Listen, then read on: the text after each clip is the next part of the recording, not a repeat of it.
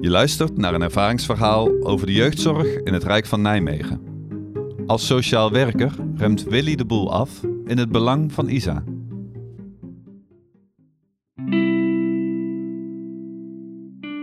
Woensdag opnieuw een MDO over Isa. Isa 13 jaar, meisje met autisme. En de vader en moeder zitten er ook en eh, zijn blij dat Isa weer thuis woont sinds anderhalf jaar.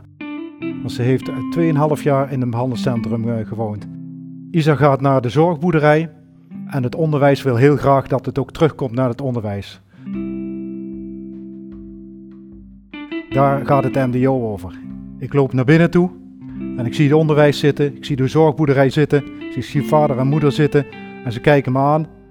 Ik denk, we gaan het weer over hetzelfde hebben. Zeg, zijn we het erover eens dat Isa hier midden op tafel staat? En ze knikken allemaal ja.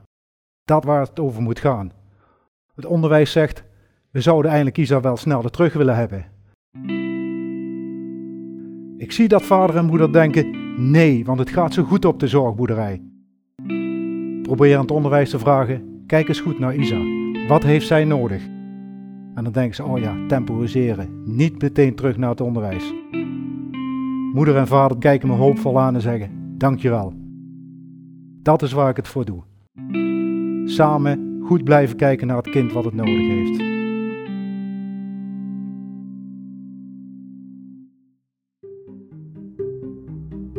Je luisterde naar een verhaal uit de serie Kind te Rijk.